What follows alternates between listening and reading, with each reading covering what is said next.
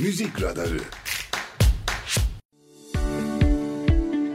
İşi uzmanına soralım. Nedir, ne değildir, nasıl yapılır, nasıl yapılmaz? İşin uzmanı her salı saat 14'te Radyo Radar'da. İşi uzmanına soralım. Nedir, ne değildir, nasıl yapılır, nasıl yapılmaz? İşin uzmanı her salı saat 14'te Radyo Radar'da. İşin uzmanı başlıyor. 91.8 Radyo Radar İşin Uzmanı programından ben Halil İbrahim Öztürk.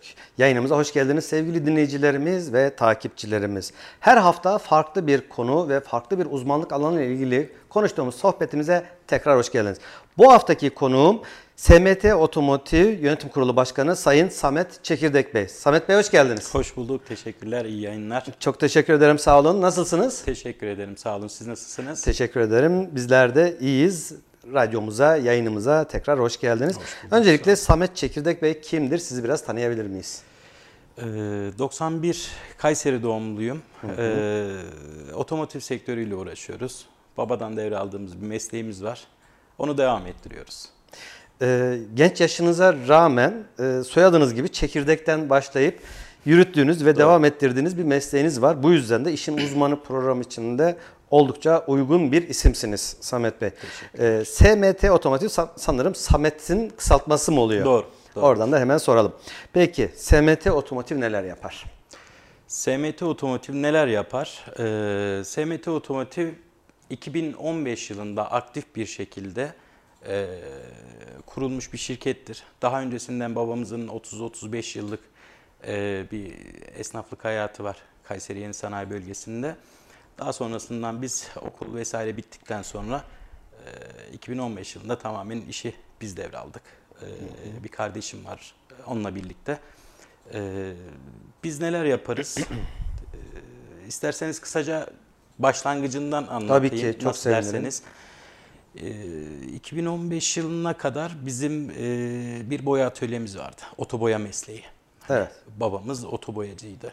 Daha sonrasından biz okul bitip geldikten sonra e, ek olarak kaborta e, bölümünü açtık. Daha sonrasından e, iş yerimizin metrekaresini büyüttük. Daha sonrasından da sigorta şirketlerinin talepleri doğrultusunda hepsini tek bir binada toplayarak kaborta, boya, mekanik, elektrik, e, karkehir dediğimiz işte seramik kaplamadır, boya korumadır hizmetleri vermeye başladık tek bir tesiste.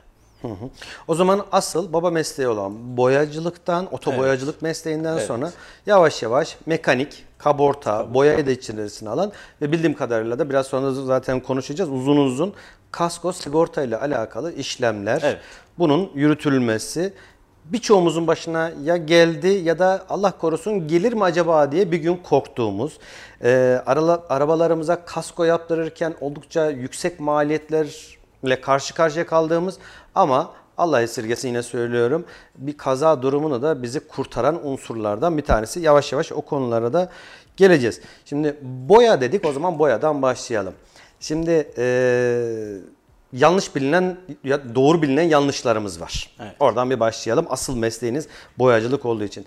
Şimdi sarı e, sayfalar var, sarı siteler. Evet. İkinci el otomobil ilanlarının evet. olduğu. Şimdi Kayseri ve Kayseri dışında da farklı bir takım mantaliteler var. Nedir bu? Şimdi Kayseri dışında ikinci el bir otomobil alırken insanlar neye dikkat eder? Boyası yeni mi? Döşemesi yeni mi? Araba güzel mi? Yürüyor mu? Öncelikle bunlara bakırlar. Ama bizim Kayseri'de biraz iş tersinden yürüyor. Bir araba boyalıysa iyi bir şey değildir. Döşemeleri yenilendiyse bu iyi bir şey değildir. İnsanlar Kayseri'de böyle daha ziyade ım, orijinal arıyor. Adam 1985 model 30 küsur yaşındaki arabada boya orijinal mi diye soruyor. Ya tamam orijinal bile olsa bunun üzerinde dünya kadar güneş yanığı var, çirkin görüntüler var. Temiz temiz boyanmış olan bir şey ki boya da maliyeti de ciddi anlamda da boya. Şimdi o zaman soruyu şöyle sorayım. Bir arabanın orijinal olması mı iyidir, boyalı olması mı iyidir? İkinci el araba alıp satır, satarken. Şimdi bu soruyu şöyle değerlendirmek lazım Halil Bey. Şimdi boyalı olması mı e, yoksa orijinal olması mı iyidir derken bir araç e, neden boyandı? Hı hı. Ve e, nasıl orijinal kaldı? Şimdi görsel olarak baktığımız zaman dediğiniz gibi 30-35 yaşındaki araçların artık boyası, verniği kalmamış. Artık e, karoserindeki sajlarının görünmeye başladığı evrede insanlar yıkarken bile çok keyif almazlar araçlarını. Sadece lastiğinin parlaklığını görürler. Başka hiçbir şekilde bir şey görmezler. Evet. Bu tarz araçların boyanmasında herhangi bir sakınca yoktur. Niye? Ee, bu araçlar zaten satılacağı zaman ekspertiz e, yapıldığında devrik mi, taklalı mı, kazadan mı, nasıl, ne şekilde boyandığı zaten mikron ölçüm cihazlar vardır bunun için. Hani boya kalınlığını sajla en üst katmandaki ara kalınlığını ölçerek bu aracın aslında e, neden boyandığını tahmin edebiliriz. Veyahut da puntalarına bakarak, orijinalliğin, orijinal silikonlarına bakarak, çekilen icilerine bakarak biz bunların neyden kaynaklı boyandığını tahmin edebiliriz. Bu araç da orijinal bir araçtır. Hiçbir kazası vesairesi yoktur ve bu araç komple boyanmıştır. Bu araç boyanabilir. Ve satacağınız zaman da bence yani bu e, kendi şahsi fikrimdir. Bu araçlar orijinal olup daha pahalıya satılacağına kıymet kazanma adı altında bakımlı, temiz hani araç sıfatında e, aynı konuyu değerlendirerek pahalı satılması veya da daha iyi rakamlara satılması. Pahalı derken yanlış anlaşılma olabilir. Daha iyi rakamlara satılması bence daha mantıklı geliyor. Hem kullanıcı açısından hani ilk kullanıcı dediğimiz mevcut araç sahibinin açısından bu daha mantıklı ve sattığı kişi için de çok mantıklı. Sonuçta hiç kimse bir araç alırken ya bu orijinal tamam ama e, güneş yanığı var, boyası bitmiş, e, yani görsel olarak göze hitap etmeyen bir ne araç araca binmek ister ne de almak ister açıkçası. O insanların hala böyle bir algısı var. Orijinal. Güneş yanığı olsa da bu araba orijinal algısı var. Şahsi fikrim olarak ben de ikinci el bir araç daha öncesinde defalarca aldık verdik. Eski model, yeni model. Yani bir eski model bir araba böyle güneş yanıklarıyla dolu böyle çirkin görüntü yerine güzel temiz bir şekilde boyanmış. e, Boyası yeni bir arabayı almayı tabii ki ben de tercih ederim. Ama işte o eskiden bu daha fazlaydı. Yani artık boya böyle 70'li yılların şimdi marka isim vermeyeyim ama kuş serisi ya da böyle daha keçisi olarak adlandırılan reklam olmasın e, marka ismi söyleyemiyorum. Daha keçisi diye adlandırılan işte station wagon arabalarda bakıyoruz. Tabii eski boya mantığı şimdikiler öyle değil ama ya neredeyse böyle el kadar boya kavlamış havada duruyor. Rüzgarda sallanıyor. O boya, boya sallanıyor. Arabanın kaportasındaki boya sallanıyor. Altında saç döşeme gözüküyor. Ama diyorlar ki bu araba orijinal. Ve bunun da bir alıcısı çıkıyor. Du eskiden. Böyle bir algı vardı. Yavaş yavaş herhalde o dönüşmeye mi başladı? İnsanlar da artık daha böyle temiz görünen arabaya mı geçmeye başladı? Ya da hala orijinal olsun da hiç önemli değil ne olursa olsun diyenler hala revaçta mı bilmiyorum. Tabii ki insanlar ister istemez e, orijinal olsun, beş fazla olsun diyen bir kesimimiz var. Tabii ki orijinal olması iyidir. Ama hani boya konusu farklıdır. Hasardan dolayı boyanma konusu farklıdır. Tabii Halil ki. Bey. Hani insan görsel amaç. Çünkü bunun fabrika üretiminde üretiminde bir ömrü var. Hiçbir şey sonsuz ömürlü değil. Ne olursa olsun, ne kadar orijinal olursa olsun, markası ne olursa olsun. Bunun sonsuz, sonsuz bir ömrü yok. Tabii. Bu boyanın bir ömrü var. Bu ömrünü tamamladığı zaman tekrardan yenileme yapılabilir. Zaten 0 kilometre otomobillerde genelde 10 yıl ya da 12 yıl boya garantisi veriliyor. Sonrasında, Sonrasında garanti tabii ki yani garanti garanti süresi çıkına. zaten şeydir. Garanti bittikten sonra problem başlar aslına bakarsanız. Tabii. Hani e, bu önemli bir noktadır, önemli bir detaydır. Ee, niye o süre zarfında? Çünkü bizim yaptığımız iş diyor bu kadar gider. Sonrasına garanti veremem ondan sonra yıpranma payı başlar. E mutlaka yani nemli ortamdaysa Tabii ki, paslanma, tabii ki. çürüme, nem alma gibi bir takım şeyler var. Peki o zaman ben diyelim ki 20 yaşında 25 yaşında bir arabam var. Güneş yanıkları olmaya başladı.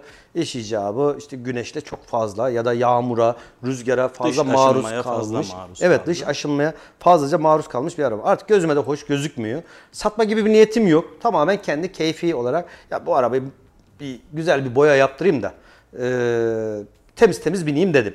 Buradaki aşamalar ne oldu? Ben size arabamı getirdim.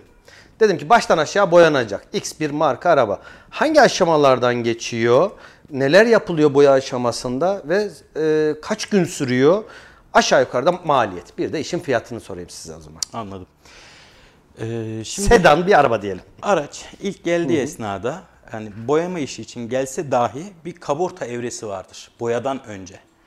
Şimdi bu araç e, boyaya girmeden önce dış tarafta camlar sökülür. Stoplar, farlar, tamponlar, kapı kolları, e, kapı fitilleri, cam sıyırıcıları bunların hepsi sökülür araçtan.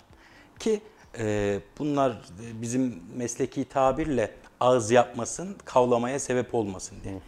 Araç komple dış aksamları söküldükten sonra ufak tefek ezikleri, çürükleri, paslanmaları vesaireleri var ise bunlar tamir edilir. Bu tamirden sonra ise boya aşamasına geçer.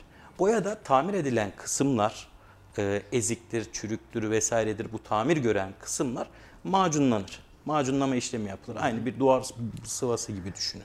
Hani otomotiv sektöründe de e, tamirli yerleri macunla düzlersiniz. Onun üzerine astar işlemi uygulanır. Ondan sonrasında ise metalik boyaysa e, toz boyası ve üstüne verniği, opak boyaysa da tek katmanda boyası atılır. Daha sonrasında da tekrar kaborta tarafına gelir.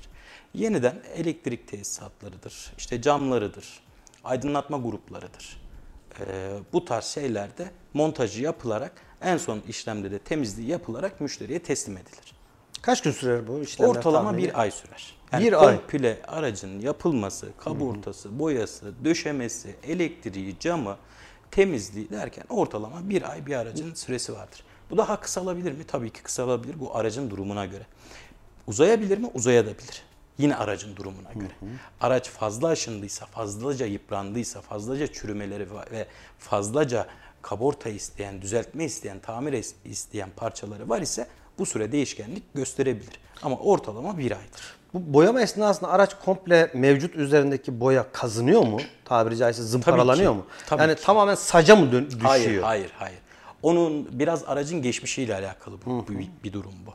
Şimdi tamamen saca düşecek. Zaten orijinal bir araçsa az önceki konuştuğumuzdaki gibi araba hiç daha öncesinden boyanmamış, orijinal ve ama üstünde boya kalmamış bir araçsa zaten en ufak bir zımparada saca iniyor. Ama daha öncesinden e, araç birkaç defa boya işlemine maruz kaldıysa bunu saca indirmek pek mümkün değil. Çünkü katman katman zeminde bunlar var. Hani daha önceki yapılan işlemler var. En başa dönecek olursak, onu kazımaya gidecek olursak bu parça değişimine kadar gidebilir. Çünkü en aşağıda korozyona uğrayan bir nem alan, e, daha öncesinden işlem gören ve saç kalınlığı incelen bir parça var zeminde. Onu daha fazla inceltmek olmaz mı? Hem daha fazla inceltemezsiniz hem de işlem üstüne sürekli işlem uyguladığınız zaman hani o e, boyayı komple kazıyım dediğiniz zaman o biraz baş ağrıtıcı, ağrıtıcı noktaya dönüşebilir ve parça istemeye kadar gidebilir. Hani e, şunu demek istiyorum. Orijinal parçada saca iner lakin 3-4 defa boya işlemi gören bir ara- araçta zeminini bilmediğiniz için özellikle onu kazımak riskli olaydır.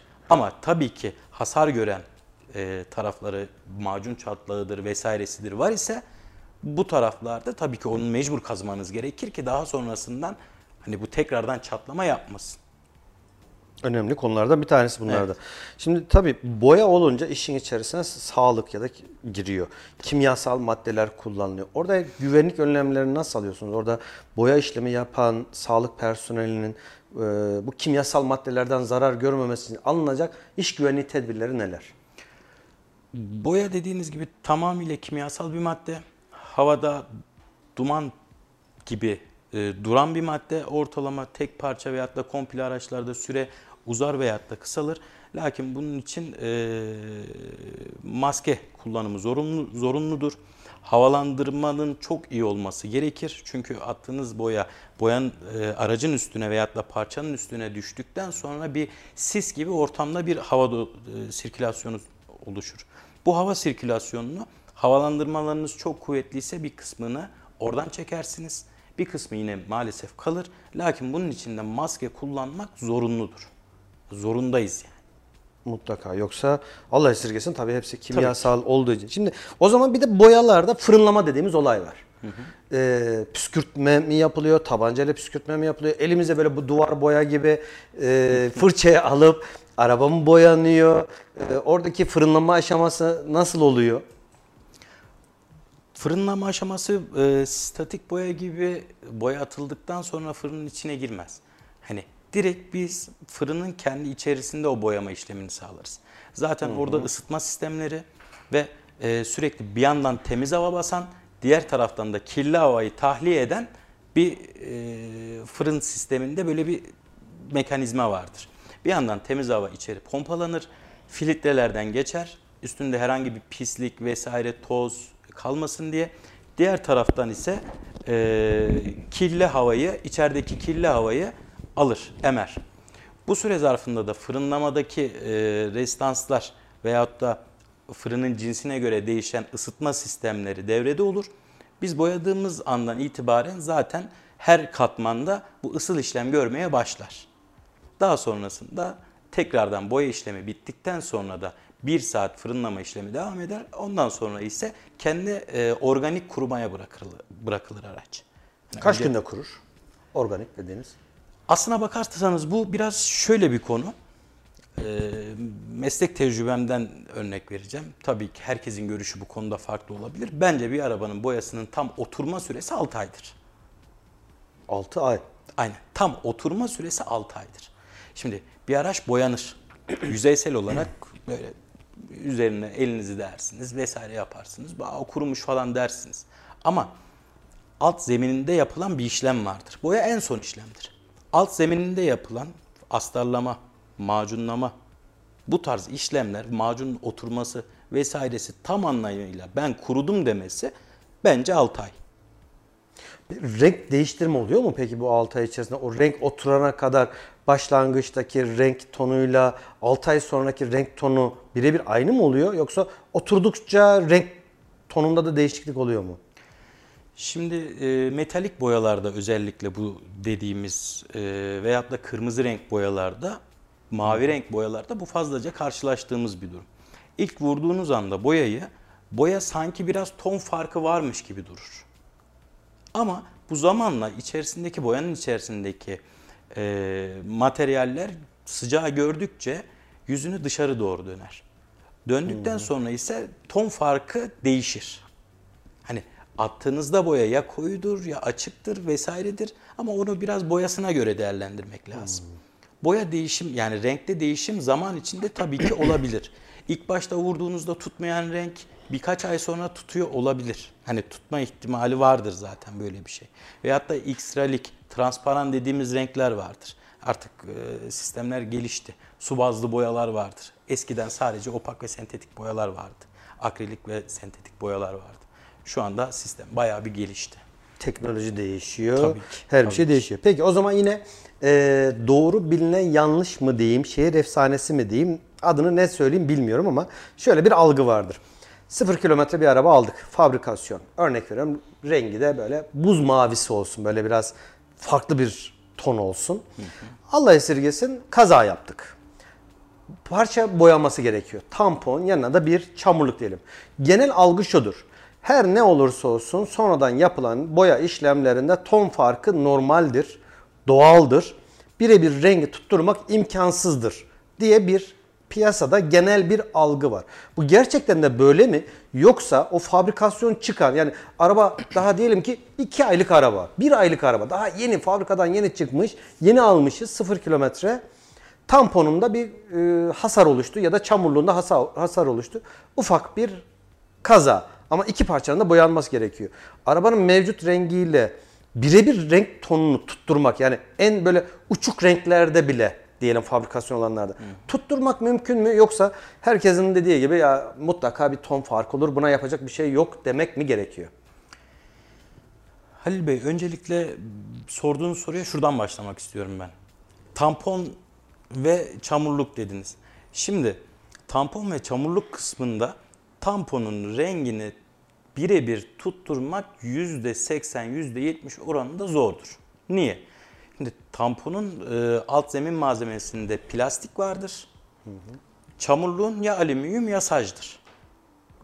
Şimdi bunun ikisinin üstüne vurduğunuz boyadaki emilimi farklı olduğu için aynı e, boyayla, aynı tabancaya koyup da sıktığınız boyayla hem çamurluğu hem tamponu boyadığınız zaman o iki parçanın renginin tutması bile bazen zordur. Tutturmak mümkün mü peki birebir?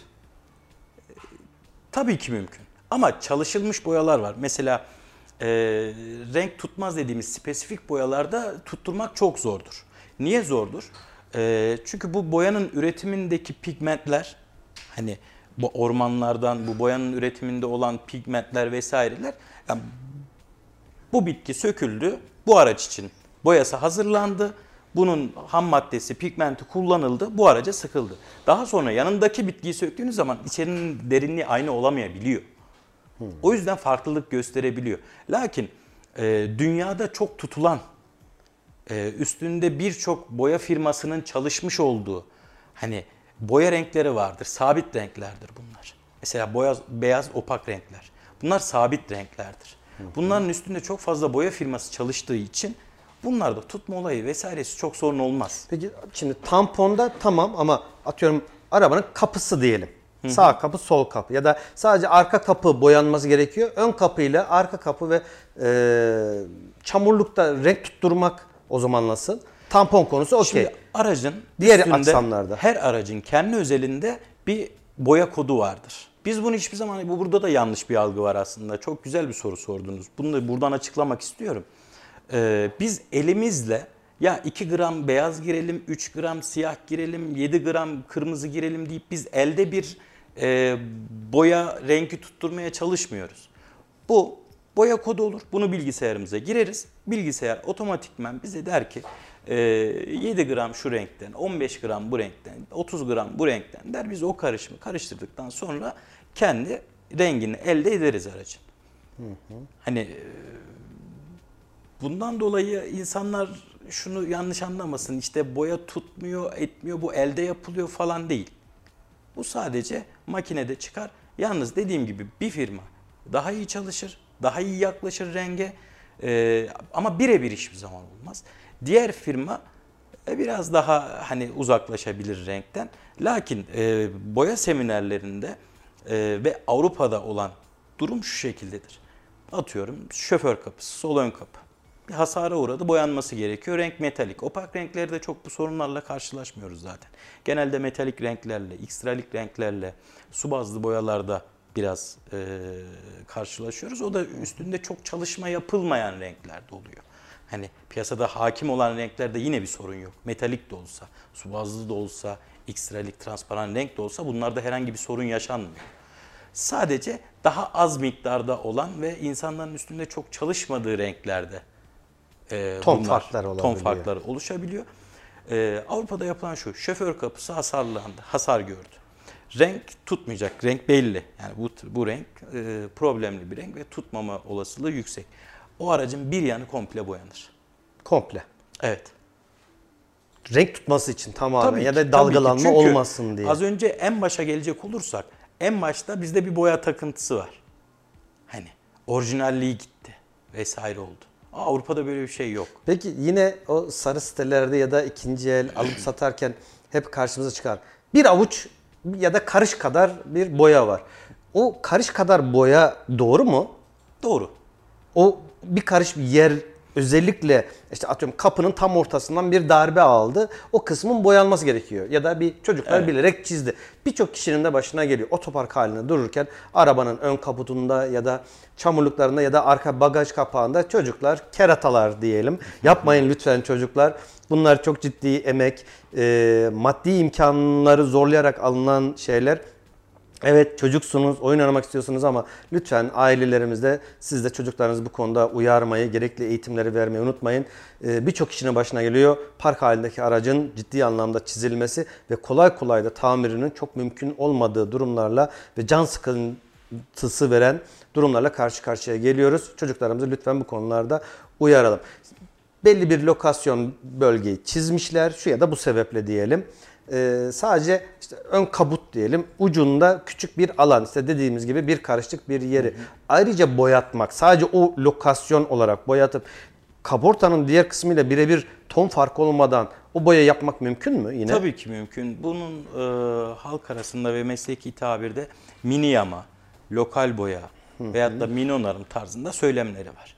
Hani e, hangi araç olursa olsun, hangi boya rengi olursa olsun e, lokal bir şekilde boya yapılabilir. Herhangi bir sorun da teşkil etmez. Güzel. Peki yine e, hem halk arasında oldukça da yaygın bir takım reklam unsurları olarak da dile getirilen e, arabada sıfır alındıktan sonra ikinci elde de mutlaka oluyor ama en fazla da belki daha sıfır alındıktan itibaren boya koruma dediğimiz bir olay var. E, seramik kaplama dediğimiz bir olay var. Bir de PPF yanlış mı söylüyorum? Doğru.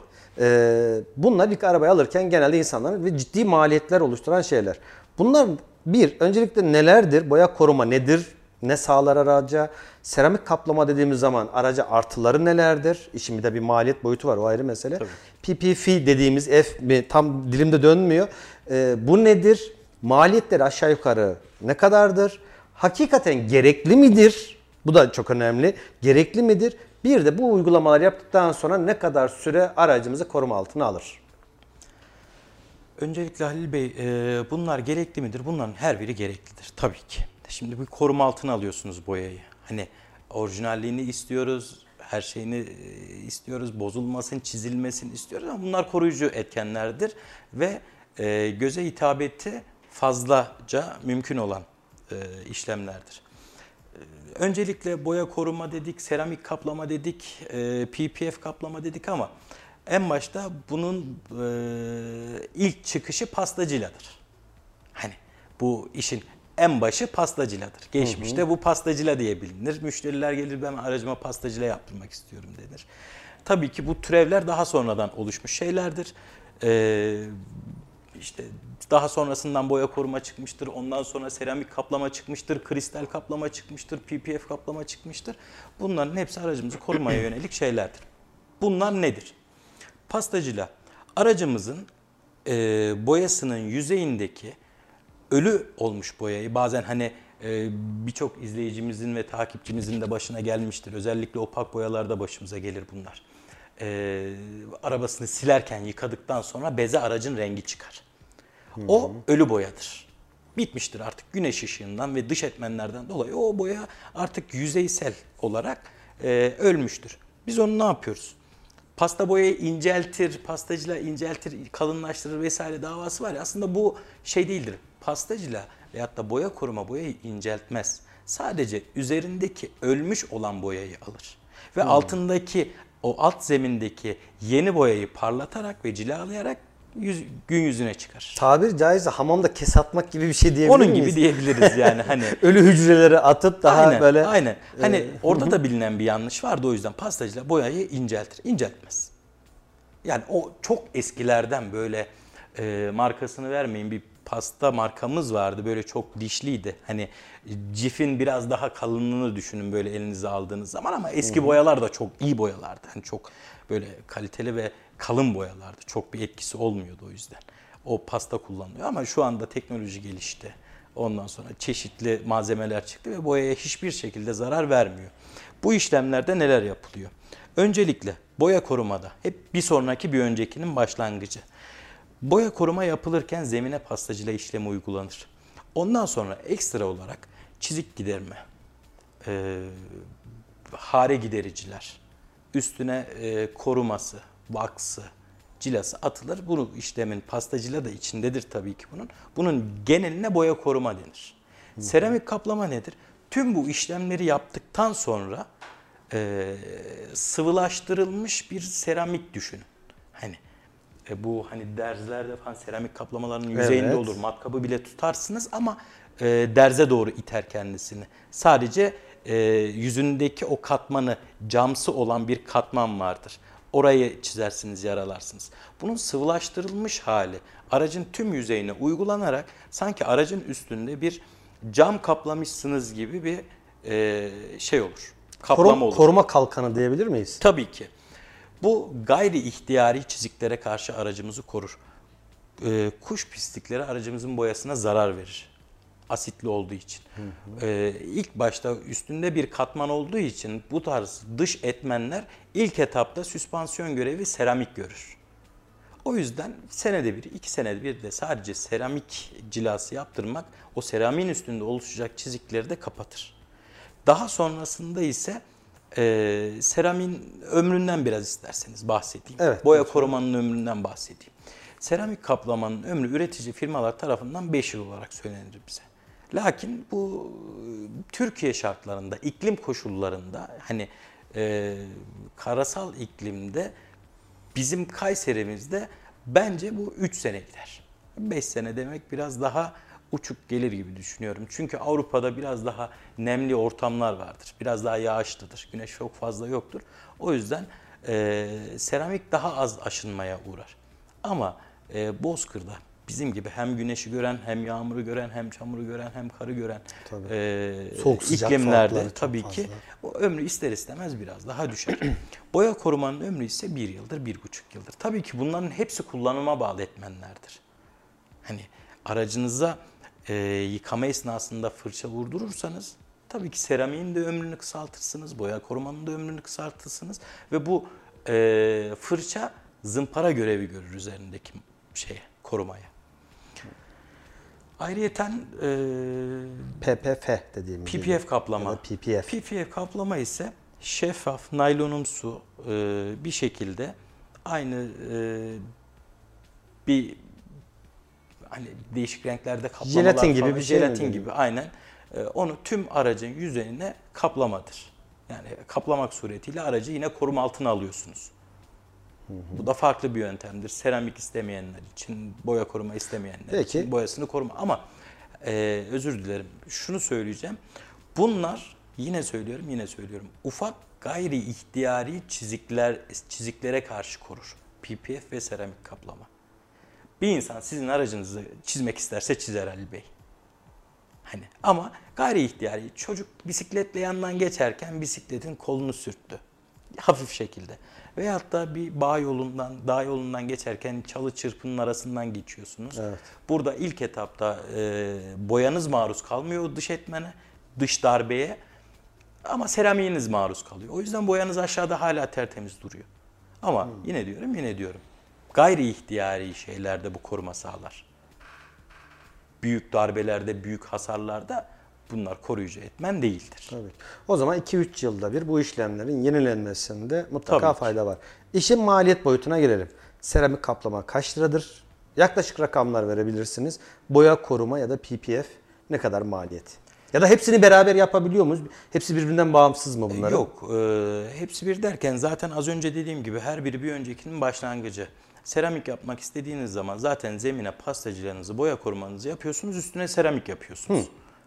E diğer tarafta da PPF'de de zemin temizliği yapılır yine. Ondan sonra PPF kaplanır. Aslında işin sonunda ya PPF'tir ya seramiktir. Anladım. Başlangıcı aynı. Aynen. Boya koruma. Aynen. İşin maliyeti. İşin maliyeti. Ee, tabii ki bunlar malzeme biraz da burada belirleyici olan, fiyatta asıl belirleyici olan etmenler bunlar. Ee, mevcut durumdaki e, kurlardan dolayı bunlar genelde yurt dışından gelen malzemeler. Kurlardan dolayı son bir senede maliyetler biraz arttı maalesef. Ama e, seramik kaplama bugün ortalama 3000 liradan başlar 20 bin liraya kadar seramik kaplama var. 20 bin lira. Tabii ki ama o 20 bin liralık dediğimiz malzemede e, bayağı hani çizilmelerinde hani az önce dediğim gibi anlattığımız bu çizilmelerde seramik darbe e, darbe gördüğü zaman güneş ışığından da güneş ışığını gördüğü anda kendi çiziğini bile kapatabilen çok üst düzey bir malzeme. Uzun süre dayanıyor mu o zaman? Yok, Yani sü- 2 şey, yıl, 3 yıl ömrü- değil de 5 yıl, 8 yıl mı gidiyor o zaman? Yok, Kendi yok. kendini yenileme özelliği olduğu için. kendi kendini yenileme derken çiziği kapatma özelliği Çiziyi var. kapatma. Aynen. Hani kendini sürekli e, o mikronunu aynı seviyede tutacak bir özellik değil bu. Çiziyi kapatıcı. PPF peki? PPF de ortalama 3 yılda bir yenilenmesi gereken bir durum. E, çünkü orada şöyle bir sıkıntı var. Zaman içinde güneş ışığıyla birlikte yaz aylarında aracın ekstra ısınmasıyla birlikte PPF kaplama daha fazla boyaya yapışabiliyor. Tabii bir anlamda kaynama Tabii noktasına ki. geliyor. Ben birkaç kez Kesinlikle iz de yapabiliyor. gördüm. Sökmeye çalıştıklarında aracın alt boyasıyla beraber kaldırıldığını ve ciddi anlamda zarar verdiğini çok gördüm. fazla kaplamalarımız tabii ki vatandaşlarımız, kullanıcılarımız, e, takipçilerimiz, dinleyicilerimiz şey isteyebilirler. Tercihleri farklıdır. Hani Hmm. aracını koruma tercihleri farklıdır. Kimisi PPF kaplama yaptırmak ister, kimisi seramik kaplama, kimisi boya koruma, pastacı vesaire. siz- Ama sizce hangisi daha tercih edilebilir? Hangisi daha doğrudur? Seramik kaplama mı PPF mi? ikisi de İkisi de. Aynı işlemi yapıyor. Tabii ki. Yaklaşık ikisi de- maliyetleri de birbirine Yok, yakın mı? Yok. PPF'in maliyeti daha yüksek. Daha yüksek. Daha, tabii ki PPF'in maliyeti daha yüksek. Ne civarda? Tahminimce hani e, iyi Yaklaşık bir markadan iyi bir markadan kullanılan malzemeyle e, 20-25 bin civarında Ciddi rakamlar. komple tabii ki. Ciddi rakamlar. O zaman aracı her ikisi de kullanılabilir. İkisi de birbirinin yaptığı işe benzer mantıkla Aynen. yaklaşıyorlar. Birinin maliyeti 3 ila 20 bin lira arasında ama PPF dediğimiz zaman 20-25 bin lira civarında. Tabii Şimdi onun da daha uygun maliyetleri var. Onu da Hani şöyle yapabiliyorlar mesela, mesela. hani 7-8 bin liradan başlar 25 bin liraya sadece gider. kabortaya özellikle uzun yol şoförleri ya da uzun yol seyahat eden arkadaşlardan biliyorum.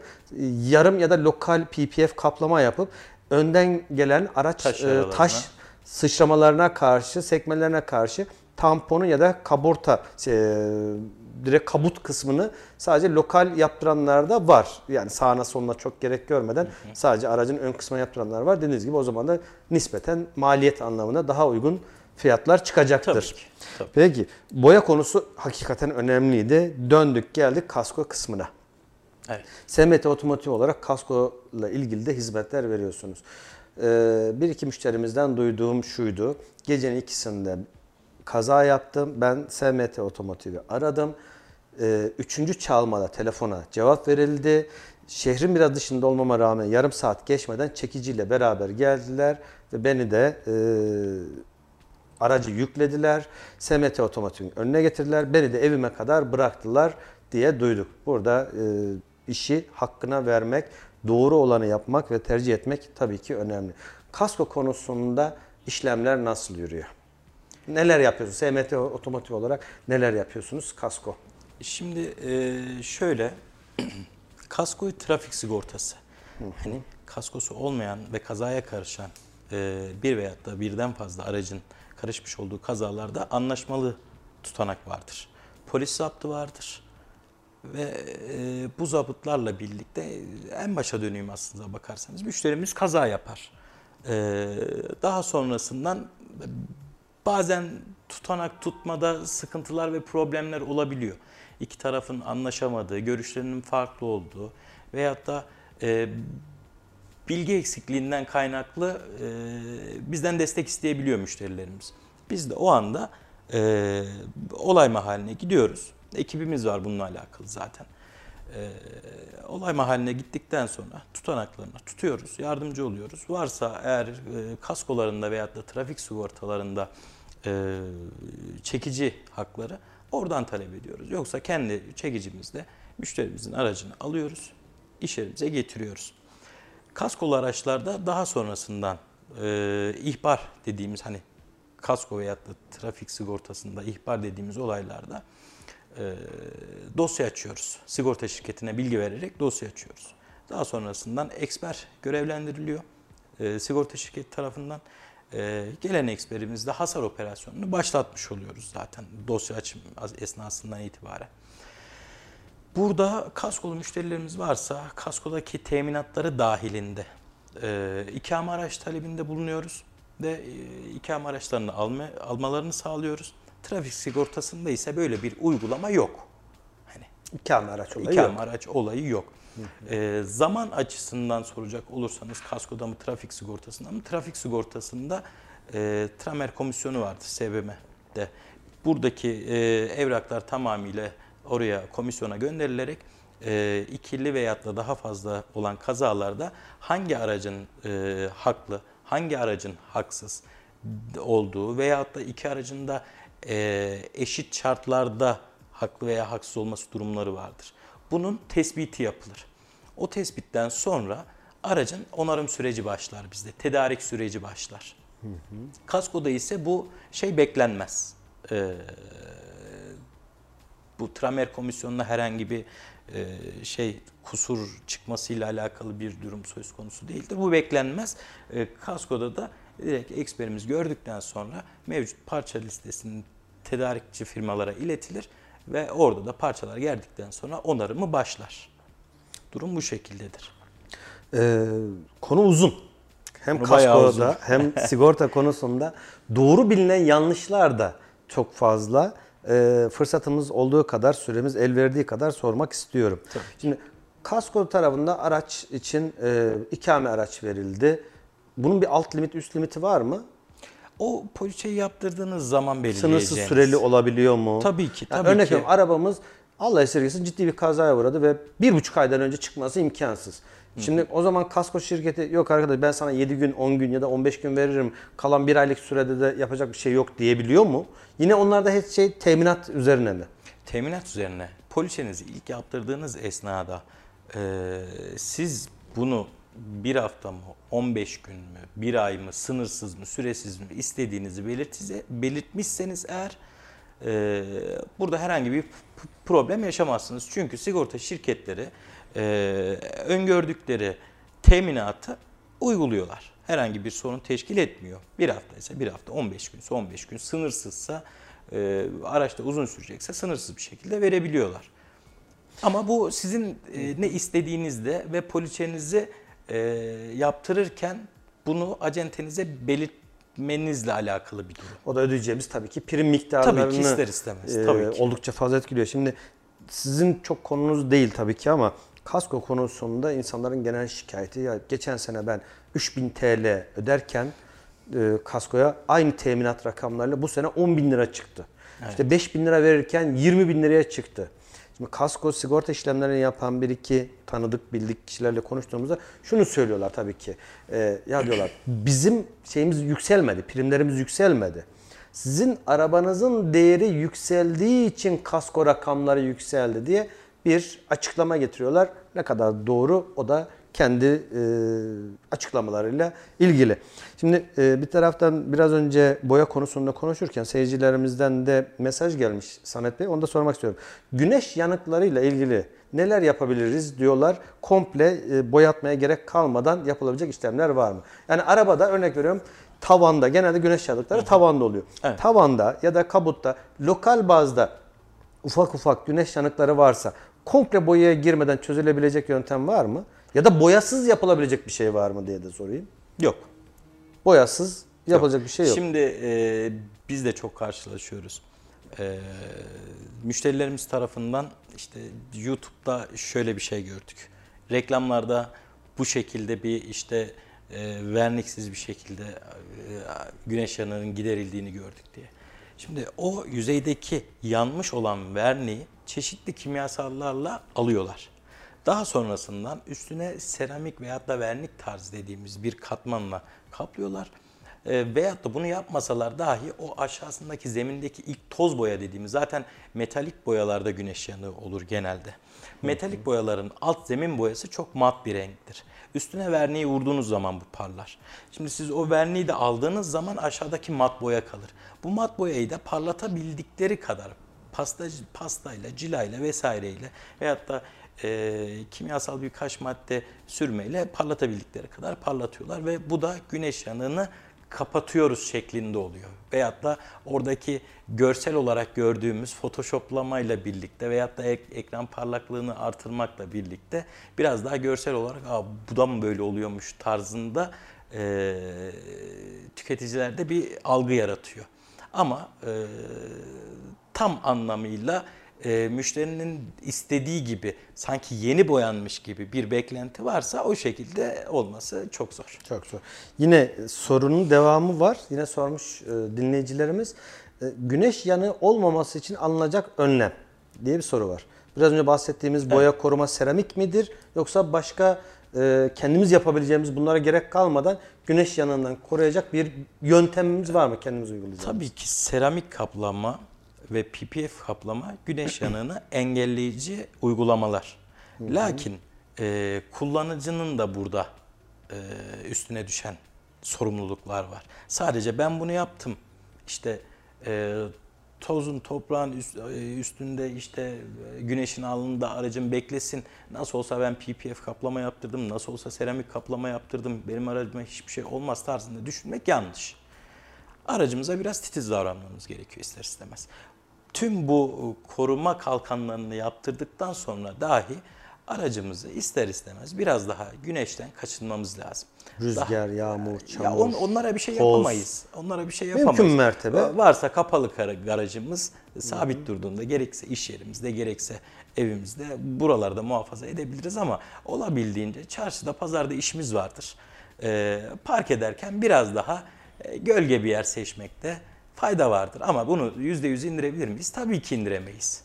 Tabii ki indiremeyiz ama e, kullanıcıya da düşen görevler var. Daha minimize edebiliriz ve bunu sıfıra düşürmek değil de 5 e, senede 10 senede atıyorum başına gelecek bir olayı 7 e, senede, 12 senede, 13 senede olacak Süreci şekilde. uzatmak. Aynen. Ancak aynen. mümkün olabilecek. Aynen. Çünkü en başta dediğim gibi bunun bir ömrü var.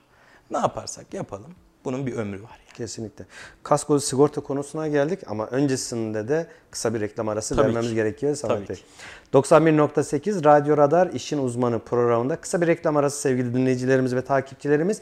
Bir yere ayrılmıyoruz. Birazdan tekrar birlikteyiz.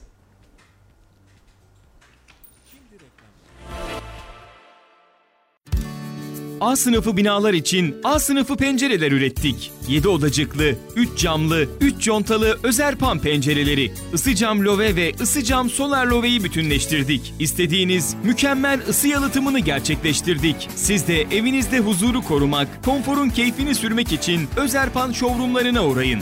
Unutmayın ki doğru yapılan ısı yalıtımı 4 mevsim konfor ve tasarruf demektir. Ayrıntılı bilgi için telefon 444 62 30 ve www.özerpan.com.tr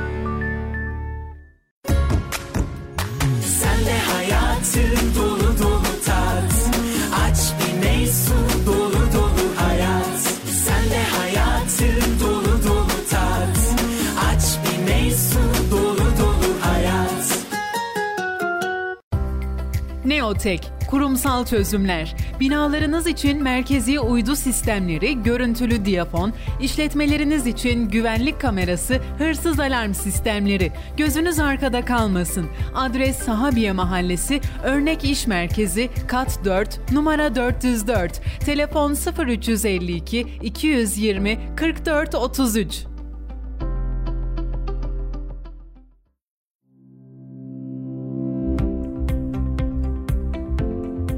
SMT Otomotiv. 7 gün 24 saat kaza müdahale ekibi ve çekici hizmetiyle her zaman yanınızdayız tüm kaporta işlemleri, boya, mekanik, plastik tampon tamiri, şase düzeltme, pasta cila, far parlatma, boya koruma ve daha fazlası SMT Otomotiv'de. Kasko ve sigorta anlaşmalı servisimizle hasar takip ve tespit hizmetleri hızlı ve güvenilir bir şekilde hizmetinizdedir. Adres Yeni Sanayi Şeker Kısmı 15. Sokak No 8 Kayseri. Telefon 0532 250 46 35.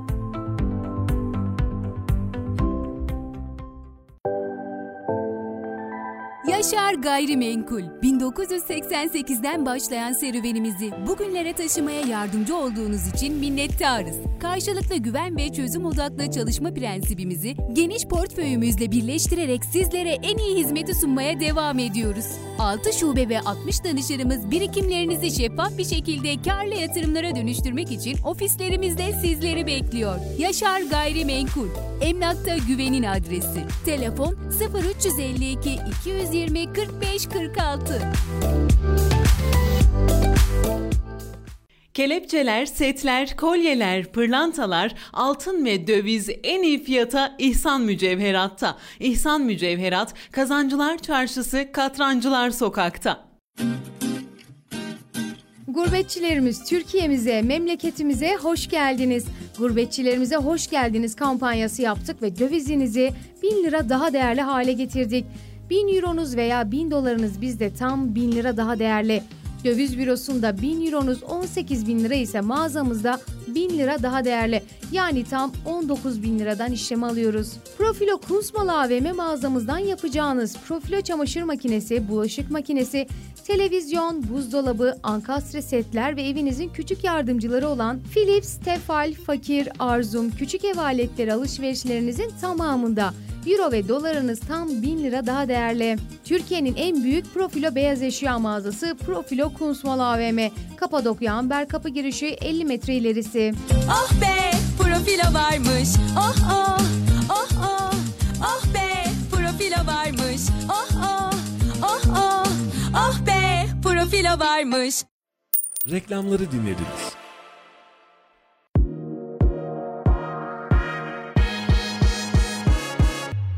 Bölgenin en çok dinlenen radyosunda kendi markanızı da duymak ve herkese duyurmak ister misiniz? Markanıza değer katmak için bizi arayın. Radyo Radar reklam attı. 0539 370 91 80.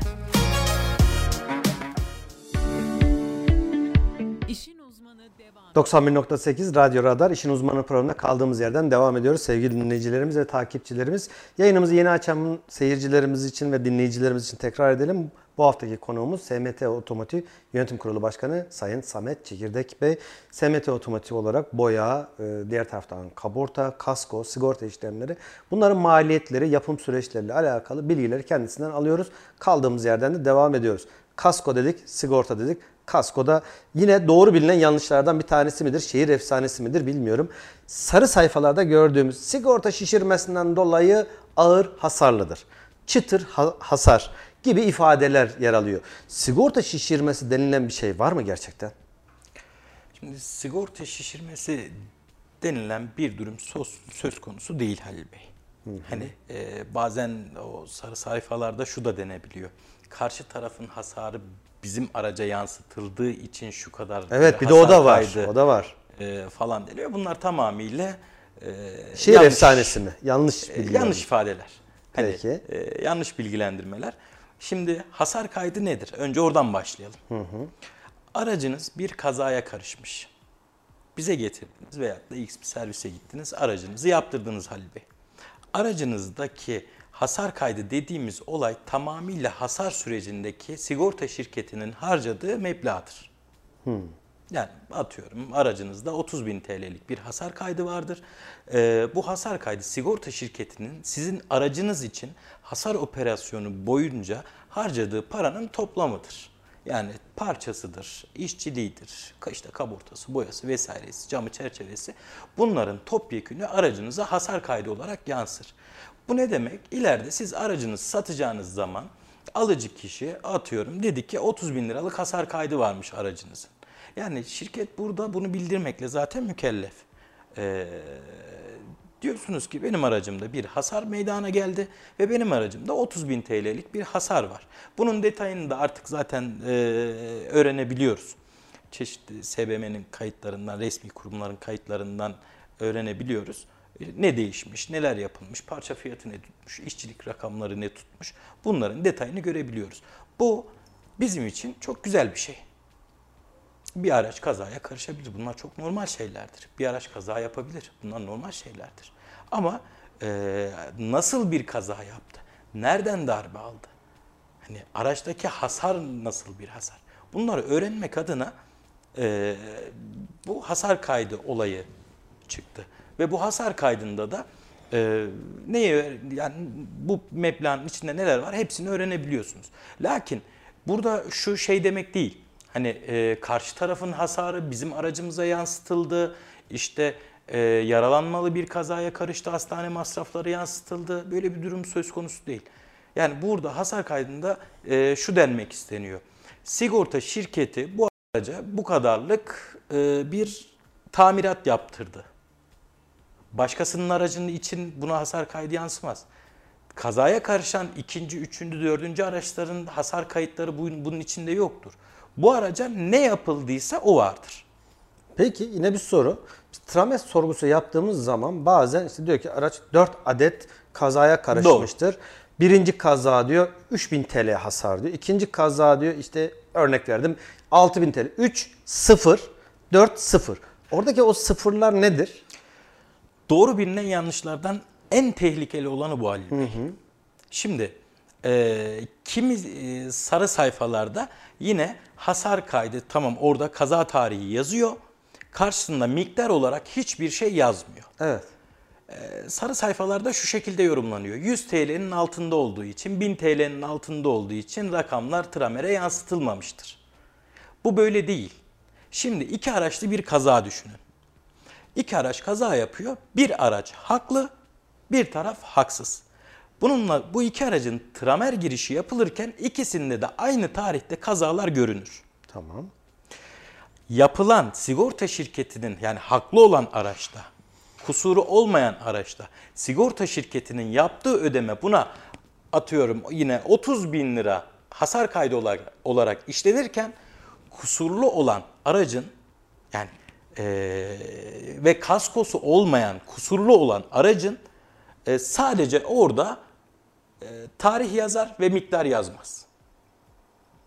Şimdi bu iki aracı değerlendirirken bu iki araç da yapıldı, onarıldı. Bu taraftaki aracın kendi kaskosu yoktu. Vatandaş cebinden ücretli bir şekilde aracını yaptırdı, trafiğe çıkardı.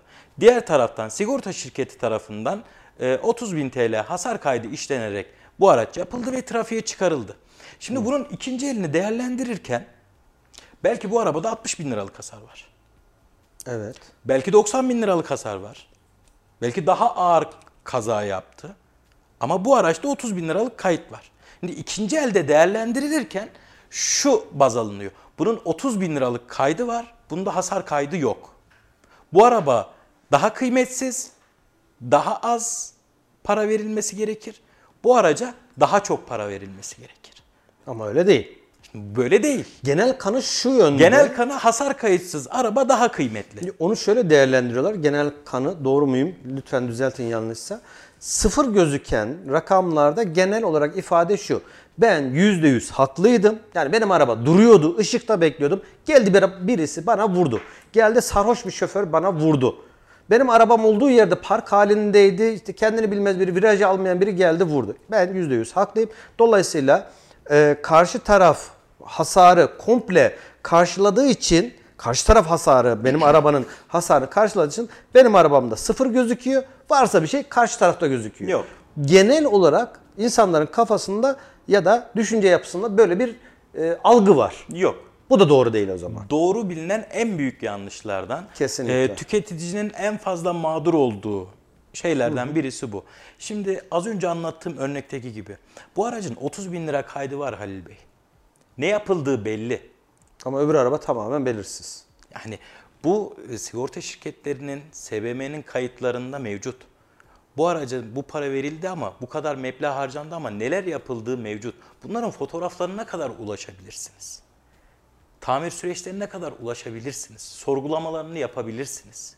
Hangi parça, hangi fiyatmış, işçilik ne kadarmış, ne yazılmış, kaburtasına ne yazılmış, boyasına ne yazılmış, ne yapılmış bunu görebilirsiniz. Bu çok büyük bir nimet. Ama diğer tarafta belki iki araç kazaya karıştı. Ondan sonra kusurlu olan taraf gitti takla attı 8-10 tane. Ama o arabanın hasar kaydı yok. Görünürde- Belki airbagler açtı. Tabii. Belki daha ağır bir hasar aldı. Ama o aracın hasar kaydı yok. İkinci elde bu daha yüksek miktara gidiyor. Diğer aracın hasar kaydı var. Bu daha düşüğe gidiyor. Peki yine e, insanların kafasında soru işaretlerinin oldukça fazla olduğu bir konu. Sizinle alakalı mıdır değil midir bilmiyorum ama sormak istiyorum. Ağır hasar kayıtlı araçlarla alakalı durum. Oradaki süreç hem bir araç neden ağır hasar kayıtlı olur? Ağır hasar kayıtlı aracı alıp almama konusunda bizim ne yapmamız lazım? Şüpheleme yaklaşmamız lazım.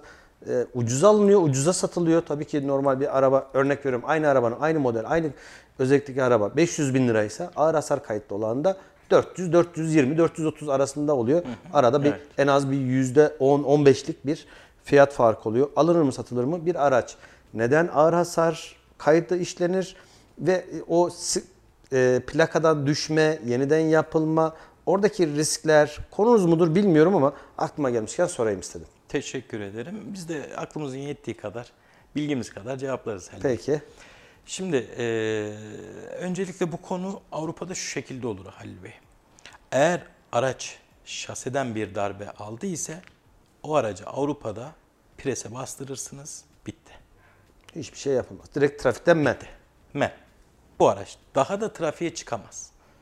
Hurdadır o araç, bitmiştir. Hurdada da hani atılmıştır. Bir daha yeniden e, trafiğe kazandırılması mümkün değildir. Ama bizim ülkemizdeki uygulanan e, durum şu şekilde. E, trafik sigortasında veyahut da kaskoda araç bir kazaya uğradıktan sonra anlaşmalı bir şekilde hani hem sigorta şirketi hem müşteri e, anlaşmalı bir şekilde aracı perte götürebiliyor. Bu da bunun hesaplaması nasıl yapılıyor? Maliyetlere göre yapılıyor.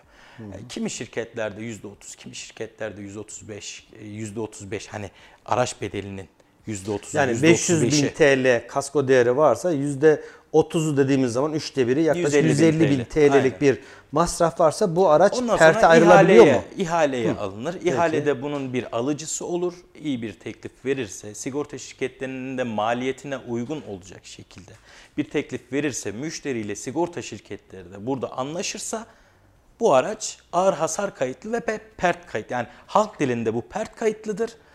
Ee, normal e, şeyde e, sistemde de bu ağır hasar kayıtlı diye geçer. Hani ikisi de aynı şeydir zaten. Bunun da bazen ayrımı yapılamayabiliyor. Pert kayıtlı ve ağır hasarlı aynı şeydir. Aynı şey. Farklı bir şey değil. Sonra işlem ne oluyor? Sonra daha Birisi sonra aldı, ihale baş- çıktı, aldı arabayı. alınır. Yani şirketle zaten müşteri anlaşmalı anlaşmaları durumunda anlaşmalı bir şekilde aracı pert ede, ederler. Müşteri e, parasını alır, çekilir. Sigorta şirketi ödemesini yapar. Hasarlı vaziyette de bu aracı ihaleden X bir kişisine satmış olur. Bu X bir kişi aracı aldıktan sonra gerekli tamiratlarını yaparak e, yeniden trafiğe çıkmak suretiyle muayenesini vesairesini yaptırarak e, plakası takılır ve trafikte yerini alır.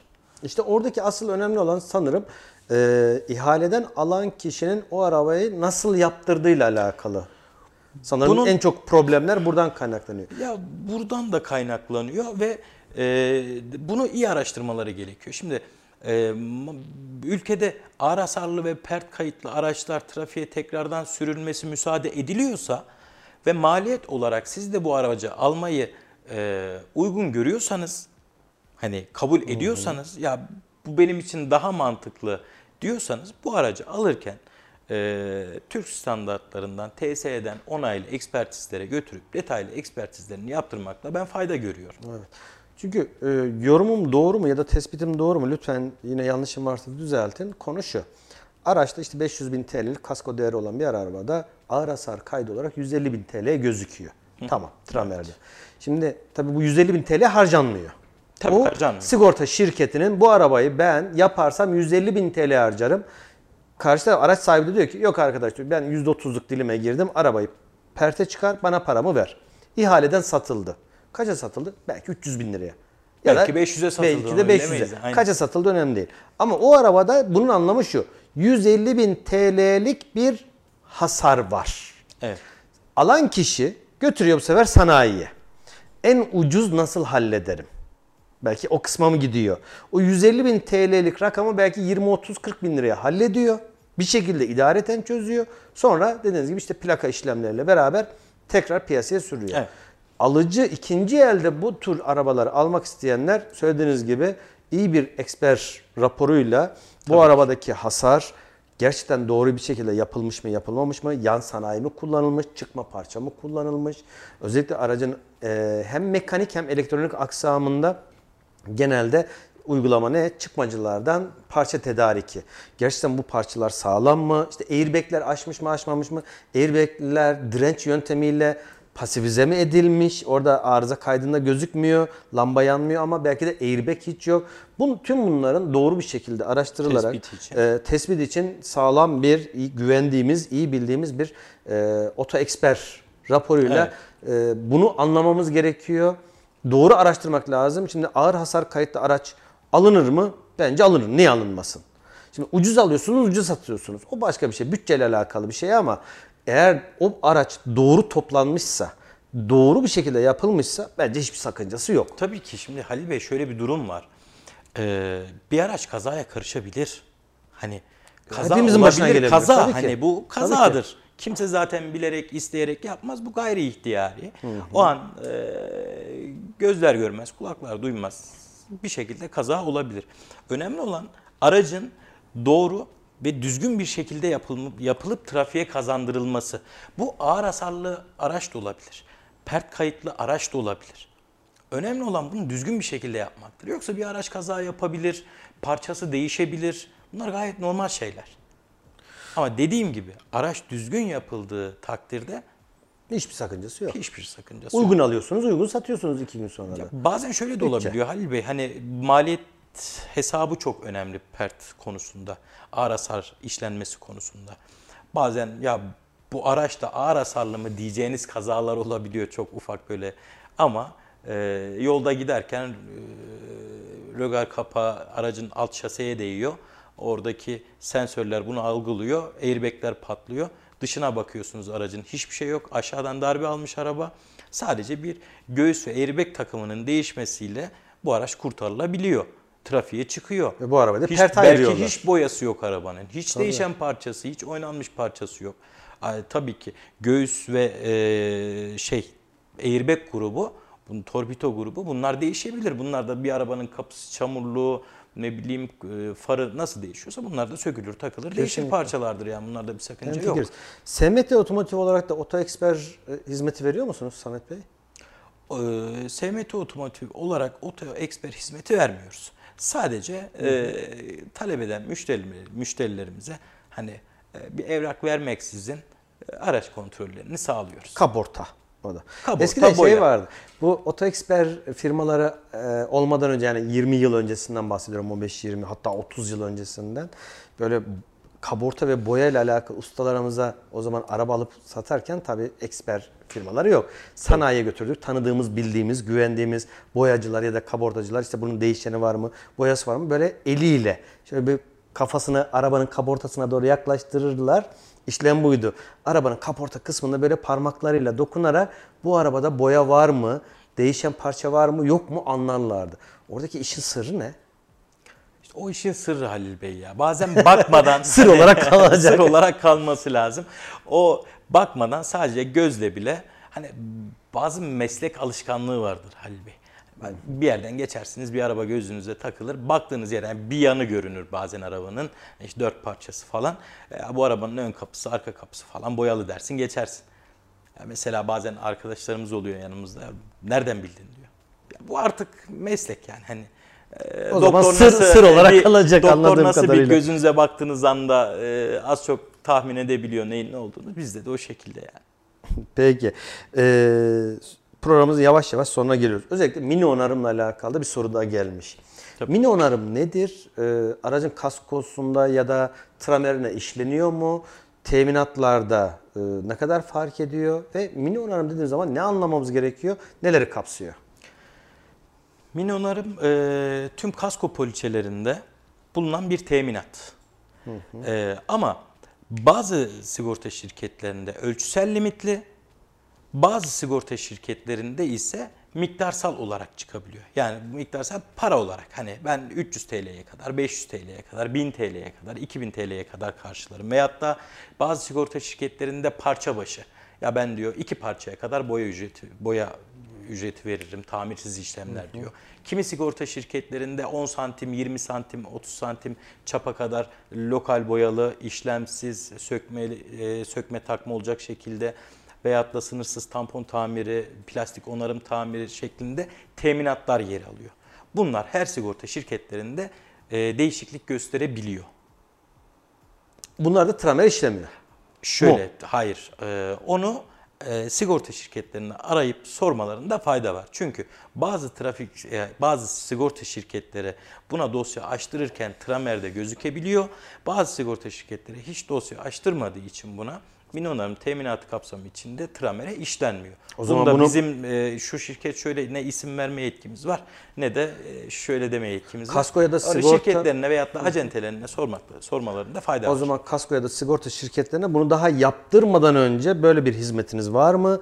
Tramerime ki. işleyecek mi, işlemeyecek mi diye daha yaptırmadan önce sormamız gerekiyor. Doğru mu? Doğru. Zaten bizim en büyük yaptığımız yanlışlardan biri de şu. Ee, kasko yaptırdınız mı? Yaptırdık. Trafik sigortası yaptırdık mı? Yaptırdık. Her zaman en ucuzunu seçeriz genel anlamda. Herkes tabii ki söylemiyorum bunu.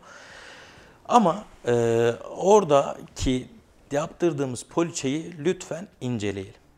İnceleyelim ki burada e, bakmadığımızdan ötürü ne sigorta şirketi e, kötü duruma düşsün, ne aradaki acentelerimiz zor duruma düşsün, ne de siz yanlış bir düşünce içine girin. Lütfen yaptırdığımız poliçeleri inceleyelim. Aklımıza takılan ne varsa da acentemize e, soralım. Bunlardan Kesinlikle çünkü artık yok. günümüzde otomobil fiyatları da o kadar çok hem arttı hem de lüks otomobiller piyasalarda oldukça ki, fazla tabii görmeye ki. başladık. Artık yatırım Yani aracı olarak bak- Kesinlikle. bakılıyor. Belki arabamız otomobillere. 500 bin TL'lik bir arabaya biniyoruz. Ama Allah esirgesin belki bir an dalgınlıkla çarptığımız araba 5-6 milyon TL'lik bir arabaya çarpabiliriz. Evet, Allah evet, korusun tabii kimse istemez bunu ama şimdi burada da kaskonun karşı taraf teminatı, karşı taraf yükümlülüğüyle alakalı konular devreye giriyor. Limitli mi, limitsiz mi birçoğu Tabii ki, tabii belki 500 bin TL karşı tarafa kadar 500 bin TL ödeme yaparım diyor. Kimisi 1 milyon diyor. Bir de işin limitsiz olan kısmı var işte. Evet. Karşınızdaki araba isterse 50 milyon TL uçtum. Bugatti Veyron'a gidin. Şimdi Bugatti'nin reklamını yapıyor gibi olmaz sanırım. Çok azdır zaten dünyada. Dünyanın en pahalı arabalarından biri. Gider istersen git ona çarp. Ben yine e, yani alkollü olmadığın sürece Tabii ki tabii ki. direksiyonda ehliyetli olmayan birinin olmadığı sürece ben her türlü karşı tarafı limitsiz bir şekilde öderim. Teminat konuları da var. O yüzden e, yine söylediğiniz gibi kasko ve sigorta şirketleriyle bu konuları ayrıntılarıyla konuşmamız gerekiyor.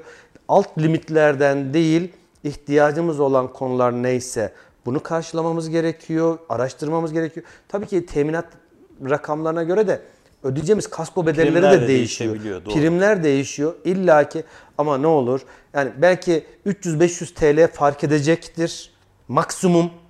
Yani 5000 TL yerine 5500 lira ya da 9000 TL ödeyeceksek 9500 TL ödeyelim.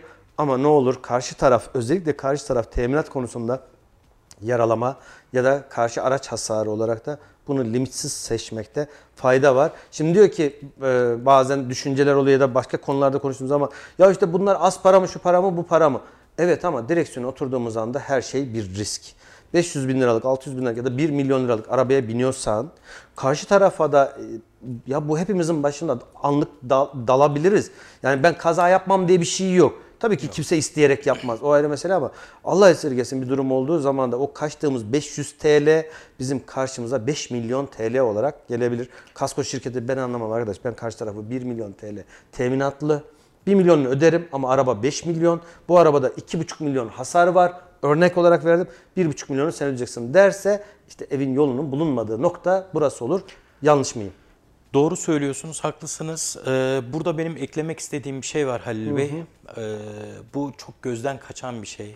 Özellikle e, belli bir yaşın e, üstünde ve e, belli markalara sahip araç e, araçlarda bu var. Kasko yaptırmayan, yani buradan dinleyicilerimize söylüyorum, takipçilerimize söylüyorum. Kasko yaptırmayan müşterilerimiz bugün 7. ay itibariyle trafik teminatımız 100 bin TL'ye çıkarıldı. Yani bu ne demek? Bir trafik kazasına karıştığınız anda kusurlu olduğunuz pozisyonda karşı tarafa sizin trafik sigortanız 100 bin TL öder. Onun üstünü ödemez. Ve şimdi hani hepimiz böyle biraz sevindik, kimimiz biraz daha böyle e, durağan yaklaştı ama araçlar ortalama bir araç bugün 500 bin TL oldu Halil, e, Halil Bey. Şimdi 500 bin TL'lik araçta da %30'a pert olacağını, %35'e pert olacağını düşündüğümüz zaman artık hani 80 bin liralık, 100 bin liralık hasarlar orta hasar olmaya başladı. Tabii ki. tabii Bunu ki. aşan noktalar oluyor. Biraz daha lüks segment böyle 1 milyonluk, 1,5 milyonluk araçlarda hani böyle bir orta hasar dediğimiz hasarlar 250-300 bin TL bantlarına çıktı.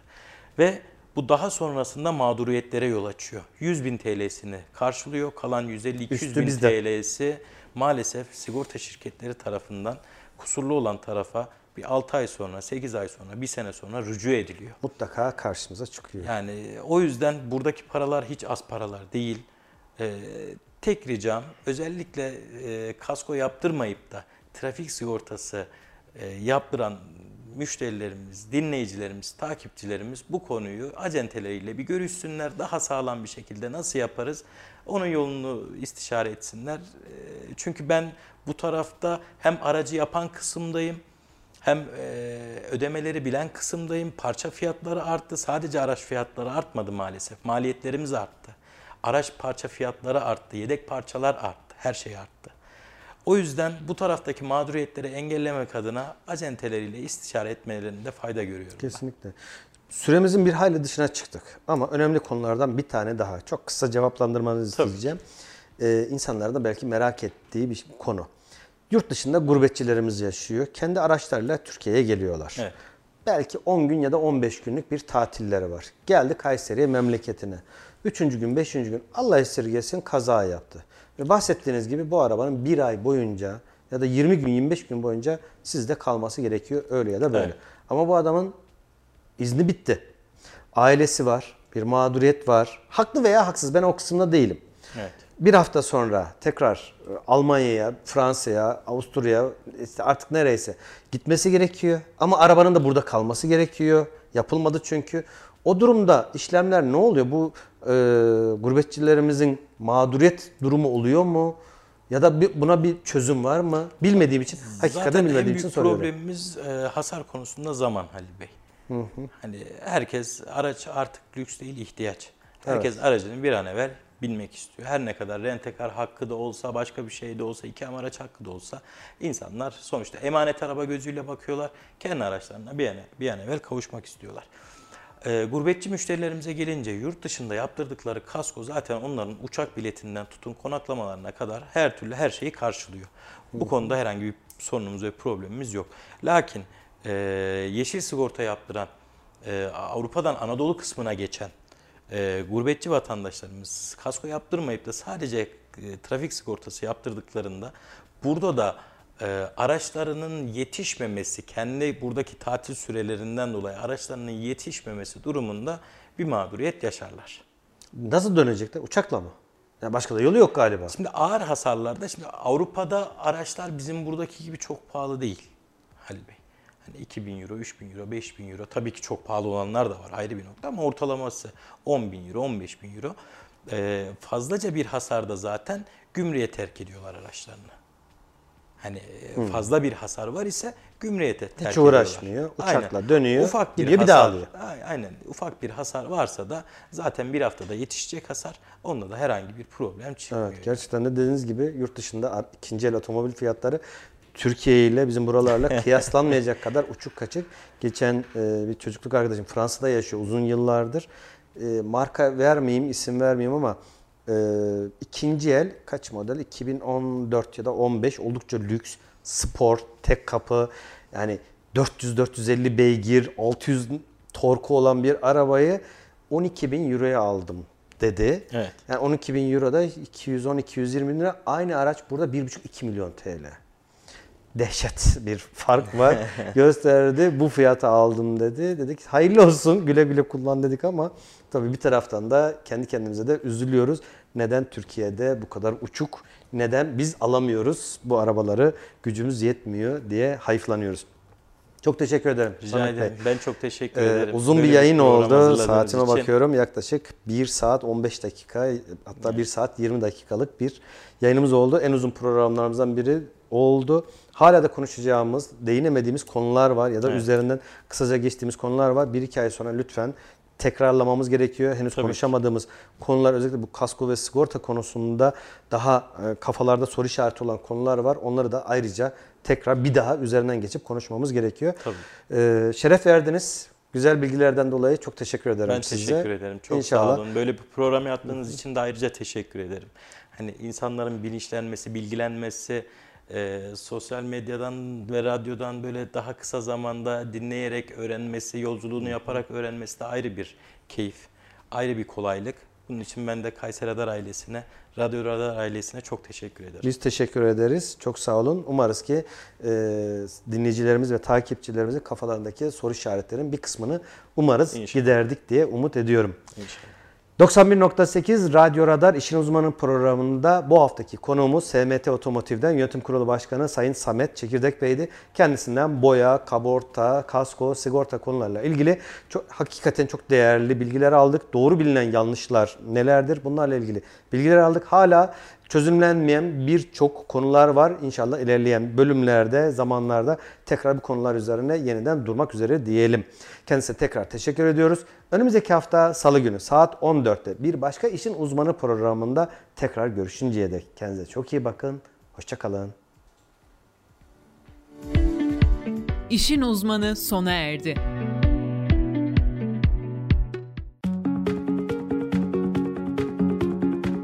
Konusunda uzman, sempatik, esprili anlatımıyla Mehmet Kavafoğlu her salı saat 16'da İşte Yaşam programında.